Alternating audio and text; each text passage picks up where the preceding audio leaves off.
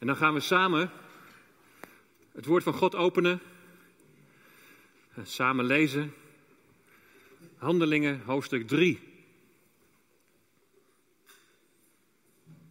Je kunt het meelezen in je eigen Bijbel. Je kunt het ook meelezen op het scherm.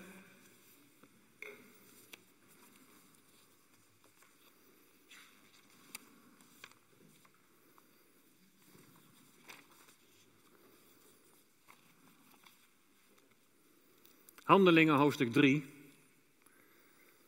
En boven dat gedeelte staat bij mij, in mijn vertaling staat daar, de kreupelen genezen. Petrus nu en Johannes gingen samen naar de tempel tijdens het uur van het gebed, het negende uur. En een man die vanaf de moederschoot kreupel was, die werd daarheen gedragen. Men zette hem dagelijks bij de tempelpoort die de Schone genoemd wordt, om een, liefde, om een liefdegave te vragen aan hen die de tempel binnengingen. En toen hij Petrus en Johannes zag, op het moment dat zij de tempel zouden binnengaan, vroeg hij of hij een liefdegave mocht ontvangen. En Petrus die keek hem met Johannes doordringend aan en zei: Kijk ons aan. En hij hield de ogen op hen gericht, omdat hij verwachtte iets van hen te ontvangen. Petrus zei echter: Zilver en goud heb ik niet, maar wat ik heb, dat geef ik u. In de naam van Jezus Christus de Nazarener, sta op en ga lopen. En hij greep hem bij de rechterhand en richtte hem op en onmiddellijk werden zijn voeten en enkels vast. En met een sprong stond hij overeind en liep rond en hij ging met hen de tempel in, lopend en springend en God lovend. En al het volk zag hem lopen en God loven. En ze wisten dat hij degene was die voor een liefdegave bij de schone poort van de tempel gezeten had. En ze werden vervuld met verbazing en ontsteltenis over wat er met hem gebeurd was. En terwijl de kreupele, die genezen was, Petrus en Johannes vasthield, stroomde al het volk bij hen samen in de zuilengang, die de zuilengang van Salomo genoemd wordt, en verbaasde zich. En toen Petrus dat zag, antwoordde hij het volk, Israëlitische mannen, waarom verwondert u zich hierover? Of waarom kijkt u ons zo doordringend aan, alsof wij door eigen kracht of godsvrucht hebben bewerkstelligd dat deze man nu loopt? De God van Abraham, Isaac en Jacob, de God van onze vaderen, heeft zijn kind Jezus verheerlijkt. Die u hebt overgeleverd. U hebt hem verlogend dat men hem zou loslaten. U echter hebt de heilige en rechtvaardige verlogend en gevraagd dat u een moordenaar geschonken zou worden. Maar de vorst van het leven hebt u gedood. Die God uit de doden opgewekt heeft, waarvan wij getuigen zijn. En zijn naam heeft deze man, die u ziet en kent, sterk gemaakt door het geloof in zijn naam. En het geloof dat er is door hem. Heeft hem in aanwezigheid van u allen deze volkomen gezondheid gegeven. En nu weet ik, broeders, dat het uit onwetendheid gedaan hebt, evenals uw leiders. Maar God heeft op die manier vervuld wat al bij monden van al zijn profeten aangekondigd had, namelijk dat de Christus lijden zou. Kom dus tot inkeer en bekeer u, opdat uw zonden uitgewist worden en er tijden van verkwikking zullen komen van het aangezicht van de Heere. En hij Jezus Christus zal zenden, die tevoren aan u verkondigd is. Hem moet de hemel op ontvangen tot de tijden waarin alle dingen worden hersteld waarover God gesproken heeft bij monden van al zijn heilige profeten door de eeuwen heen. Want Mozes heeft tegen de vaderen gezegd: De Heere uw God zal voor u een profeet laten opstaan uit uw broeders, zoals ik. Naar hem moet u luisteren in alles wat hij tot u zal spreken. En het zal zo zijn dat al wie niet geluisterd zal hebben naar deze profeet, uit het volk uitgeroeid zal worden. En ook al de profeten vanaf Samuel en zoveel als er daarna gesproken hebben, hebben deze dagen aangekondigd. U bent kinderen van de profeten en van het verbond dat God met onze vaderen sloot. toen hij tegen Abraham zei: En in uw nageslacht zullen alle geslachten van de aarde gezegend worden. God, die zijn kind Jezus heeft doen opstaan, heeft hem eerst naar u gezonden om u hierin te zegenen, dat hij ieder van u zou afbrengen van zijn slechte daden. Tot zover de schriftlezing. Zalig zijn zij die het woord van God horen en ook het verlangen hebben om, dat, daar ook naar te leven. Gisteren en vandaag is het Rosh Hashanah. Het begin van het nieuwe jaar in Israël, het jaar 5781. Ayala, onze Joodse gids, die schreef ons een geintje. Nou, je weet wel wat een geintje is, waar het vandaan komt. Het Jiddische woord, dat komt van genade. Of genade komt van geintje. Maar ze schreef ons het volgende. Ze zei van een heiden, een niet-Jood, die vraagt aan een Jood: Jullie leven toch in het jaar 5781? Ja, zegt de Jood, dat klopt. Dan heb ik een vraag, zegt de heiden. Er gebeuren zoveel rare dingen in deze wereld. En juist in het jaar waarin wij nu leven. Als jullie nou in het jaar 5781 leven. Zou je me dan kunnen vertellen hoe 2020 is afgelopen? Nou, gelukkig lachen de mensen, dus uh, we snappen hem. Maar houd die vraag je bezig. Hoe zal dit jaar aflopen? Komt het oude normaal weer terug? Willen we wel dat alles van het oude normaal weer terugkomt? Leven we in de eindtijd dat de Heer Jezus spoedig zal komen? Er gebeurt heel veel in deze wereld. En de vraag is, wat doet dat met je? Is dit ook voor jou een, een tijd van, van bezinning? Ik vraag me af hoe we deze tijd moeten duiden. En dan bedoel ik niet alleen wat deze tijd zegt over het tijdstip van het komen van de Heer Jezus, of dat spoedig zal zijn. Maar dat zal me helemaal niet verbazen. Maar wat het duiden van de tijd betreft, bedoel ik ook van. Ja, er gebeuren zoveel vreemde dingen. We leven in zo'n rare wereld. Er overkomt ons zoveel op dit moment. Is dit misschien een tijd dat God ons iets duidelijk wil maken? Dat Hij ons iets door dit alles heen, als kinderen van God, als volgelingen van de Heer Jezus, te zeggen heeft. Is dit voor jou een tijd van bezinning? Misschien wel van inkeer, van, van juist in die tijd waarin je even stilgezet wordt. Er gebeurt zoveel. Nou, daar wil ik met jullie graag even over nadenken. Naar aanleiding van Rosh Hashanah. En ook naar aanleiding van Handelingen hoofdstuk 3. Maar eerst dat feest. Dat nieuwjaarsfeest. Rosh Hashanah. Een nieuw jaar, een nieuw begin. Het is niet een Bijbelsfeest. We kennen vanuit het Oude Testament kennen we zeven Bijbelse feesten. Het zijn Gods vastgestelde tijden. Vier voorjaarsfeesten en drie najaarsfeesten.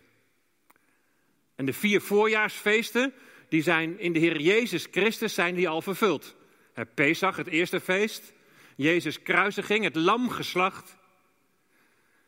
Ten tweede het feest van de ongezuurde broden. Alle zonden weggedaan.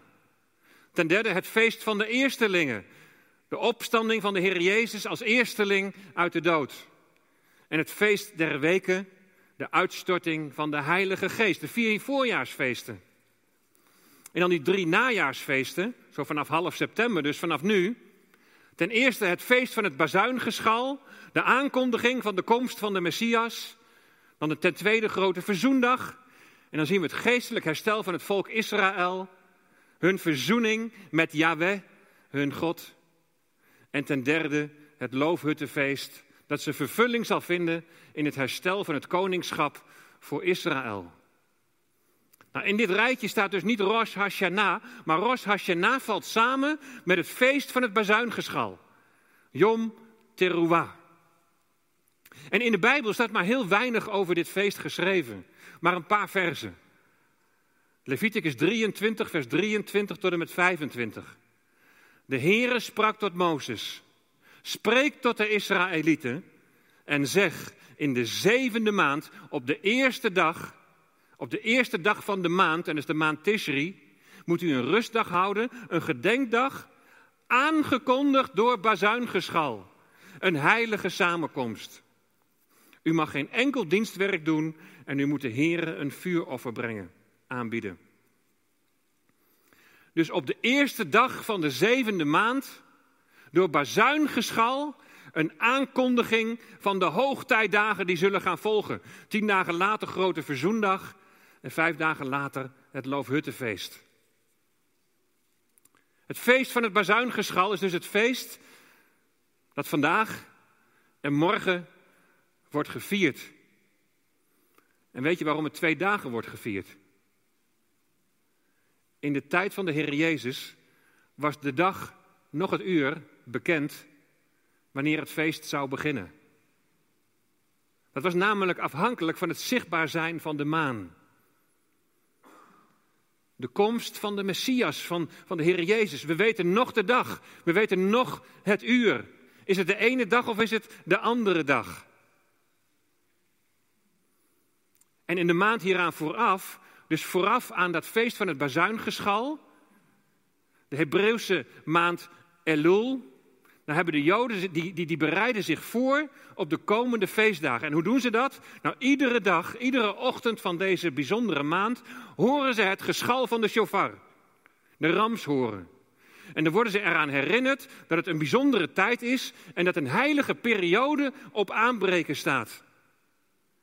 Iedere morgen denken zij in hun gebeden na over hun gedrag van het afgelopen jaar.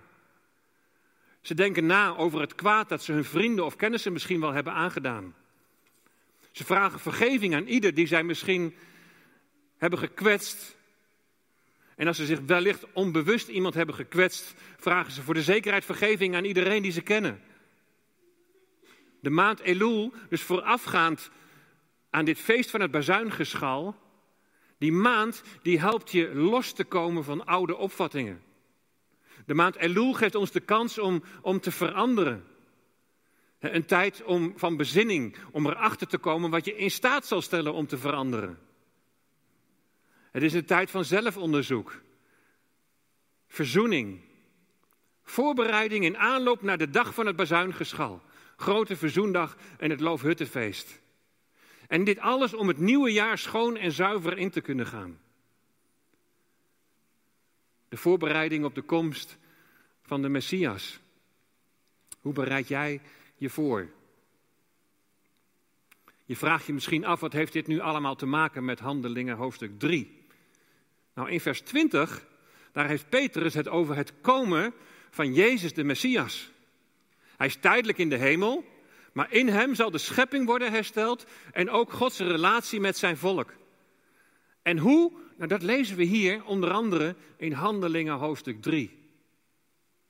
En daar ligt de nadruk ligt op inkeer, op, op verootmoediging, op, op bekering. Is het je opgevallen hier in Handelingen 3? Dat wel heel duidelijk naar voren komt dat Petrus spreekt tegen mensen uit zijn eigen volk.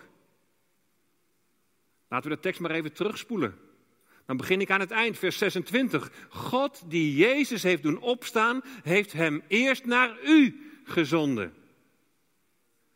En Petrus die spreekt hier tegen Israëlieten. Israëlitische mannen hebben we gelezen. De heiland allereerst gezonden naar de schapen van het huis van Israël. En dan vers 25. U bent kinderen van de profeten en van het verbond dat God met onze vaderen sloot. Weer zo'n duidelijke bevestiging dat Petrus spreekt tegen mensen uit het volk Israël. En de boodschap van Petrus aan de mensen uit zijn eigen volk is kort samengevat als volgt. Ten eerste, jullie hebben de Heer Jezus overgeleverd aan Pilatus. Ten tweede, jullie hebben de vorst van het leven gedood, die God uit de doden heeft opgewekt. Maar het derde punt, jullie hebben het uit onwetendheid gedaan. Het is de vervulling van de profeten die hebben aangekondigd dat de Messias zou lijden. Wat moeten ze doen? Wat moeten de Israëlitische mensen die hier aangesproken worden, wat moeten ze doen? Nou, vers 19. Kom dus tot inkeer en bekeer u, opdat uw zonden uitgewist worden en er tijden van verkwikking zullen komen voor het aangezicht van de Heer. Woorden gericht aan mensen uit het volk Israël. Ze hebben de Heer Jezus overgeleverd in de handen van Pilatus. Ze hebben het uit onwetendheid gedaan. En wat is dan het gevolg als ze tot inkeer en tot bekering komen? Vers 20. Dat hij de Heer Jezus Christus zal zenden, die tevoren aan u verkondigd is. Allereerst inkeer. Precies wat de Jood in de maand Elul voorafgaand aan het bazuingeschal doet. Ja, wat moet je afleggen? Wat wil je echt veranderen in je relatie met God? Boven. Wat wil je veranderen in je relatie tot je naaste? Binnen. En wat wil je veranderen met betrekking tot je getuigenis naar mensen om je heen? Ze moeten toch het licht van de volken zijn. In zijn toespraak tegen zijn volksgenoten maakt Petrus duidelijk dat ze zich moeten bekeren en dat dan de Messias zal terugkeren. En wat gebeurt er dan? Vers 21. Hij, Jezus de Messias, wacht nu in de hemel tot de tijden, tot de tijd aanbreekt waarin alle dingen worden hersteld. Dus wat gebeurt er dan als Jezus terugkeert? Er komt herstel. Herstel van deze schepping, maar ook herstel van het koningschap voor Israël, het loofhuttenfeest. De Messias uit het geslacht van David zal plaatsnemen op de troon in Jeruzalem, de stad van God, en hij zal regeren. Hij, die profeet met die hoofdletter P, naar wie ze dan zullen luisteren. De heilige profeten hebben door de eeuwen heen daarvan al gesproken. Er komt een nieuw begin voor Gods volk. Maar dat hangt samen met haar bekering. Ze moeten tot inkeer komen. De boodschap aan het Joodse volk bij monden van Petrus is: Kom dus tot inkeer en bekeer u, opdat uw zonden uitgewist worden en er tijden van verkwikking zullen komen van het aangezicht van de Here. Is inkeer en bekering voor ons niet-Joden dan niet belangrijk? Uiteraard wel, maar in deze context, zo vlak na de opstanding, zo vlak nadat de Heilige Geest is uitgestort, in deze context in Handelingen 3, gaat het allereerst over mensen uit het Joodse volk. Uit wie de Messias is voortgekomen. Het zaad met een hoofdletter Z van Abraham. Voor wie hij, het volk voor wie hij allereerst is gekomen. Nou, dit allereerst, maar wees gerust, de toepassing voor onszelf, die gaat nog wel komen. Maar voordat ik dat doe, ga ik eerst nog verder in die, in die Joodse context van toen. De eerste eeuw na Christus. Want het wonder waarover we hier hebben gelezen, dat heeft alles met die context te maken. Het wonder dat hier gebeurt, zoals we dat bij Jezus ook voortdurend hebben gezien, is een teken. Het wonder dat wijst ergens op. Dit wonder heeft een boodschap. Petrus en Johannes die gingen samen naar de tempel tijdens het uur van het gebed, het negende uur. Waarom gingen ze nog naar de tempel? Ze waren Jood en ze bleven Jood. Uiteraard gingen ze naar de tempel, het is drie uur in de middag. Volgens de voorschriften van de wet wordt net als morgens, wordt in de middag wordt een lam geofferd. En het is hetzelfde tijdstip hè, dat de Heer Jezus stierf. Na drie uur van diepe duisternis. Gekruisigd als offerlam. En die duisternis die zou het volk moeten herinneren aan de profeet Jezaja. Ze zijn toch kinderen van de profeten? Jezaja die het volk Israël vergelijkt met een volk dat in duisternis wandelt. Een volk dat ver van God verwijderd is. Hij had zijn verbond met hen gesloten, maar ze luisterden niet. En het gevolg daarvan, en dan hebben we het over de zesde eeuw voor Christus zo ongeveer, ging het volk in ballingschap. Jeruzalem en de tempel werden verwoest. Maar dan komt er in Jesaja 35 een belofte van herstel. Weer dat herstel, voortdurend. Jesaja 35 gaat over het herstel vanuit de ballingschap. Dan wordt het volk wordt aangesproken als, als verlosten en als vrijgekochten. En die verlossing en die vrijkoping, die wordt beschreven in termen van lichamelijke genezing en water en nieuw leven op dorre plaatsen. En wat staat daar onder andere over dat herstel in Jesaja 35 vers 6? Dan zal de kreupele zal springen als een hert. Nou, wat hebben we gezien? Deze kreupele man. Hij sprong op en hij danste voor God. Dat wandelen in duisternis is na de terugkeer uit de ballingschap niet veel aan veranderd. Ook in de tijd van de Heer Jezus was het nog steeds een volk dat in duisternis wandelt. Een volk dat kreupel is, geestelijk kreupel. Maar een volk dat God tot herstel wil brengen. Hij wil de kreupelen, hij wil zijn volk weer op zijn voeten zetten. Deze kreupele man als personificatie van, van het volk Israël. Oh, ik doe niks af aan het wonder. Maar het gaat hier niet allereerst om het wonder, maar het feit dat dit wonder een teken is. Het, het wijst ergens op. Petrus en Johannes die komen bij die man en die vraagt of hij een liefdegave, of hij een aalmoes mag ontvangen. De toegangspoorten tot de tempel waren een geliefde plaats voor bedelaars. Daar konden ze aalmoezen ontvangen. Voor de tempelbezoekers was het geven van een aalmoes was een hele belangrijke deugd. Helemaal in lijn met zoals de wet het voorschrijft. Maar Petrus en Johannes zeggen: Goud en zilver heb ik niet. Nee, ze hebben niks meer, want ze hebben het weggegeven. Ze delen het met elkaar. Zo was dat in die, in die eerste gemeente. Aan de eis van de wet kunnen ze niet voldoen. Het geven van een aalmoes. Maar wat ik heb, dat geef ik u. In de naam van Jezus Christus de Nazarener, sta op en ga lopen. En de kreupele staat op en springend als een hert gaat hij met hen de tempel in om God te loven en te prijzen. De kreupele wordt opgericht. En het wijst heen naar het kreupele Israël dat niet opgericht zal worden door zich volmaakt aan de wet te houden, maar de Heer Jezus Christus, Jezus de Messias, is hun geneesheer. Tot Hem moeten ze zich wenden. De voorwaarde voor genezing van het volk is geloof. We hebben gelezen in vers 16. De naam van Jezus heeft deze man sterk gemaakt en door het geloof in zijn naam. En het geloof dat er is door hem, heeft hem in aanwezigheid van u allen deze volkomen gezondheid gegeven. Het volk zal gered worden als ze tot inkeer en tot bekering komen. En dan zal het geloof geschonken worden. Het geloof dat er is door Hem. Wat eigenlijk de kern van de boodschap van dit hele Bijbelgedeelte is. Dat is zoals de Heer Jezus uit de dood is opgewekt. Ook Israël zal worden opgewekt.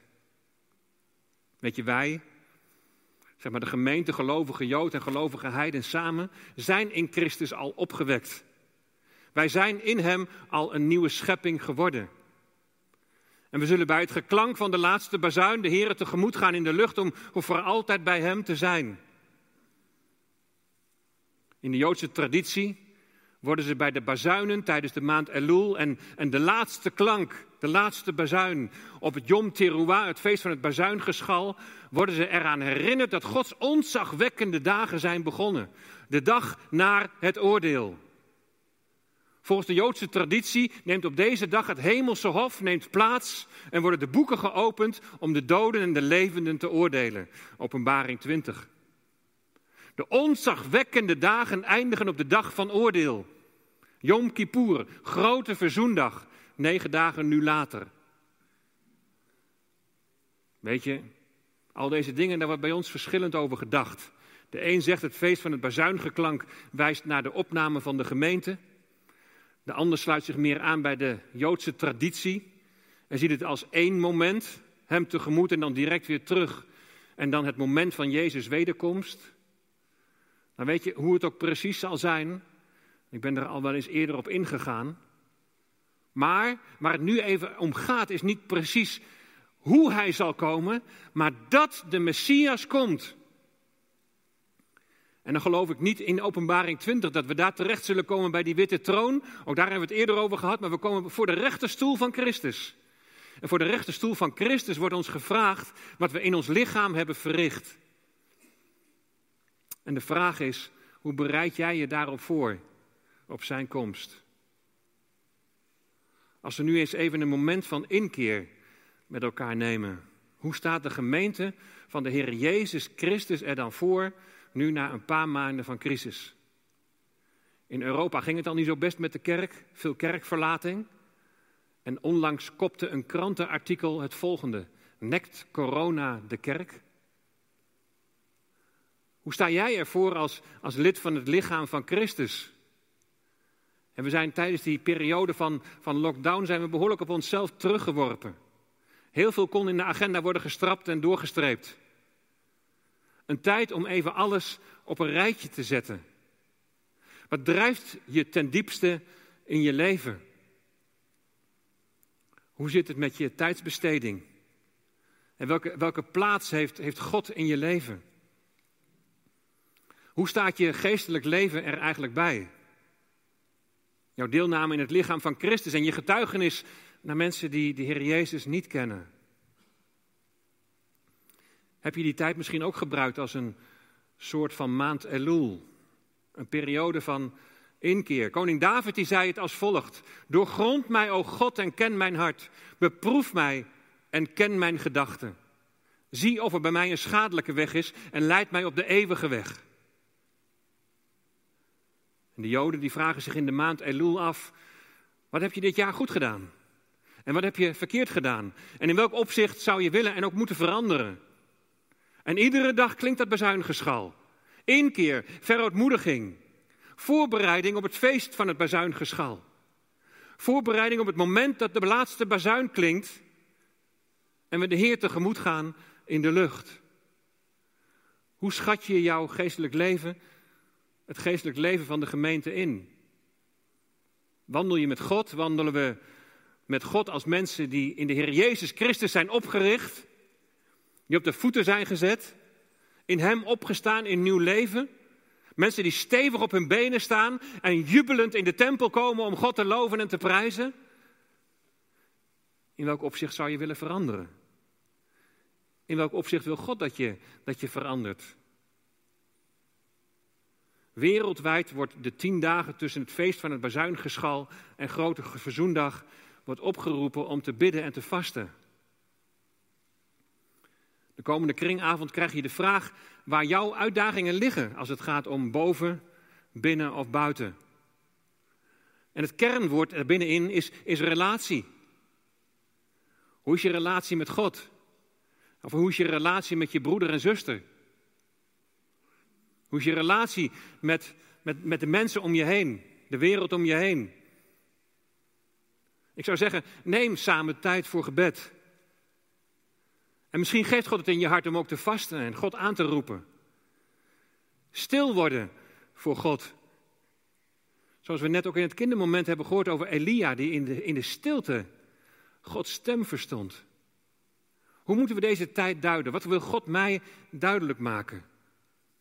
Je kunt bidden voor de wereld, je kunt bidden voor de gemeente, maar hou het heel dicht bij jezelf. En we kunnen zo makkelijk wijzen naar wat er in de wereld allemaal niet goed gaat of wat in de gemeente niet goed zou gaan. Maar laat het een tijd van verontmoediging en inkeer zijn voor jezelf. Wat wil God jou duidelijk maken? Wat wil Hij jou laten zien? Zijn stem verstaan. En het verlangend bidden van Heer, laat mij zien waar ik mij van moet bekeren. Wat ik moet afleggen. Ik kan een hele scala van onderwerpen zouden kunnen geven, maar dat kun je zelf. Je kunt zelf naar de Heere God gaan. En je kunt voor, je, voor jezelf aan Hem vragen: Heer, laat me zien wat U in deze tijd tot mij wil zeggen. Wat mag ik opruimen? Wat mag ik wegdoen? En waar moet ik juist in gaan staan? En dat we toch niet in ons geestelijk leven kreupel zullen zijn, maar ook zullen leven in die positie die we in Christus hebben ontvangen. Staande, God lovende en prijzende. Maar dat alles wat tussen God en ons instaat, dat we het zullen, zullen wegruimen, dat we het zullen beleiden voor zijn aangezicht. Want als we onze zonden beleiden, hij is getrouw en rechtvaardig om al onze zonden te vergeven. Rosh Hashanah, een nieuw jaar, een nieuw begin. Misschien mogen we dat ook geestelijk vertalen naar onszelf. Tijd van bezinning, een tijd van inkeer. Misschien wel, ja, ik weet niet hoe je erbij zit, maar misschien wel een tijd, een verlangen, een snakken naar een nieuw begin. Met het volk Israël gaat het uiteindelijk goed komen. Dat weten we al vanuit het woord van God. Zij zullen zich bekeren. En de Heer Jezus zal komen. En hij zal regeren vanuit Jeruzalem. Maar hoe is het met ons? We gaan zo een lied zingen. Jullie mogen wel vast naar voren komen. En het lied heet Ik wil terug naar het hart van aanbidding. We waren afgelopen maandag met een groep van voorgangers bij elkaar. En toen zei een voorganger van een hele grote gemeente, waar ze alles goed voor elkaar hebben qua techniek, waar alles heel professioneel wordt uitgezonden. Hij zei, we krijgen toch nog heel veel klachten uit de gemeente, dat de dingen nog niet echt heel goed gaan. Moet je eens naar die en die gemeente kijken, dan gaat het veel en veel beter. Klagen, klagen, klagen. En weet je wat deze voorganger zei? Hij hief zijn handen op en hij zei: Heer, breek ons af. Met andere woorden, laat ons toch alsjeblieft zien waar het ten diepste om gaat. We zijn blij met techniek. We zijn blij dat veel mensen mee kunnen kijken. We zijn blij dat we een mooi muziekteam hebben. We zijn blij dat we, dat we samen met elkaar kunnen zingen. Maar waar gaat het ten diepste om? Het gaat ten diepste om het hart van aanbidding. Dat we zeggen, Heer, u bent Heer over mijn leven. U regeert. U regeert over het heelal. U regeert over de fontein. U regeert over mijn leven, dat het zo zal zijn. Laten we de komende, de komende dagen, die tijd van inkeer en verontmoediging, gewoon nemen. God zoeken. Luisteren naar zijn stem. Heer, we hebben het verlangen om uw stem te verstaan. Ik wil terug naar het hart van aanbidding. En dan gaat het alleen om u om u, Jezus. Ja, Heer Jezus, we roepen u aan. Heer, laat ons zien in ons leven wat we mogen en moeten afleggen. Wat niet naar uw wil is. Laat ons zien, Heer Jezus, door uw geest. Wat we moeten beleiden. Heer, we leven in zo'n vreemde wereld. Heer, we gaan voorbij, we gaan ons niet bezighouden met de vraag wie of wat nu precies dit alles veroorzaakt heeft, maar vooral wat wilt u ons leren in deze tijd? Wilt u werken door de kracht van uw Heilige Geest? Hier laten we een moment stil worden voor u. We zullen nu ook een moment stil zijn. Of we nu hier zijn, of in de Koningshof, of thuis. Gewoon een moment van stilte. Een moment van gebed. Een moment van zelf persoonlijk naar de Heer toe gaan.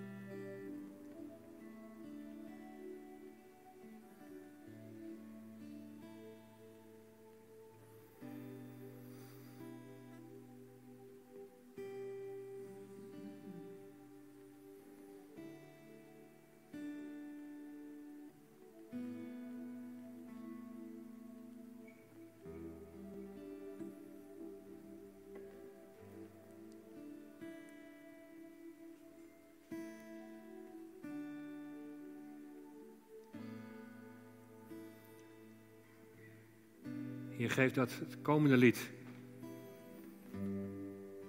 niet een lied zal zijn als vele andere, maar dat het echt een hartsverlangen mag zijn. Ik wil terug naar het hart van aanbidding. En dan gaat het om u, Jezus. Heer, wees u met uw volk. Heer, raak hen aan. Neemt u de bedekking weg. Omdat ze u, Heer Jezus, mogen zien als hun heiland, als hun verlosser, als de enige die vrede kan brengen. Ach, ja, er kunnen vredesakkoorden gesloten worden. Uw woord zegt vrede, vrede, geen gevaar. Heer, maar de enige vrede die daadwerkelijk stand houdt, is de vrede die u geeft. Ook in onze harten. Maak ons rein voor u, als gelouterd goud en zuiver zilver. We willen terug naar het hart van aanbidding, terug naar de eenvoud. Gewoon bij u zijn. We danken u voor alles wat mogelijk is. De techniek en het mooie zingen, het prachtige kerkgebouw. Heer, maar als het ons in de weg staat om werkelijk toegewijd aan u te zijn. En dan zeggen we, Heer, breekt u het maar af. Want het gaat om u, Jezus. Om u. Amen.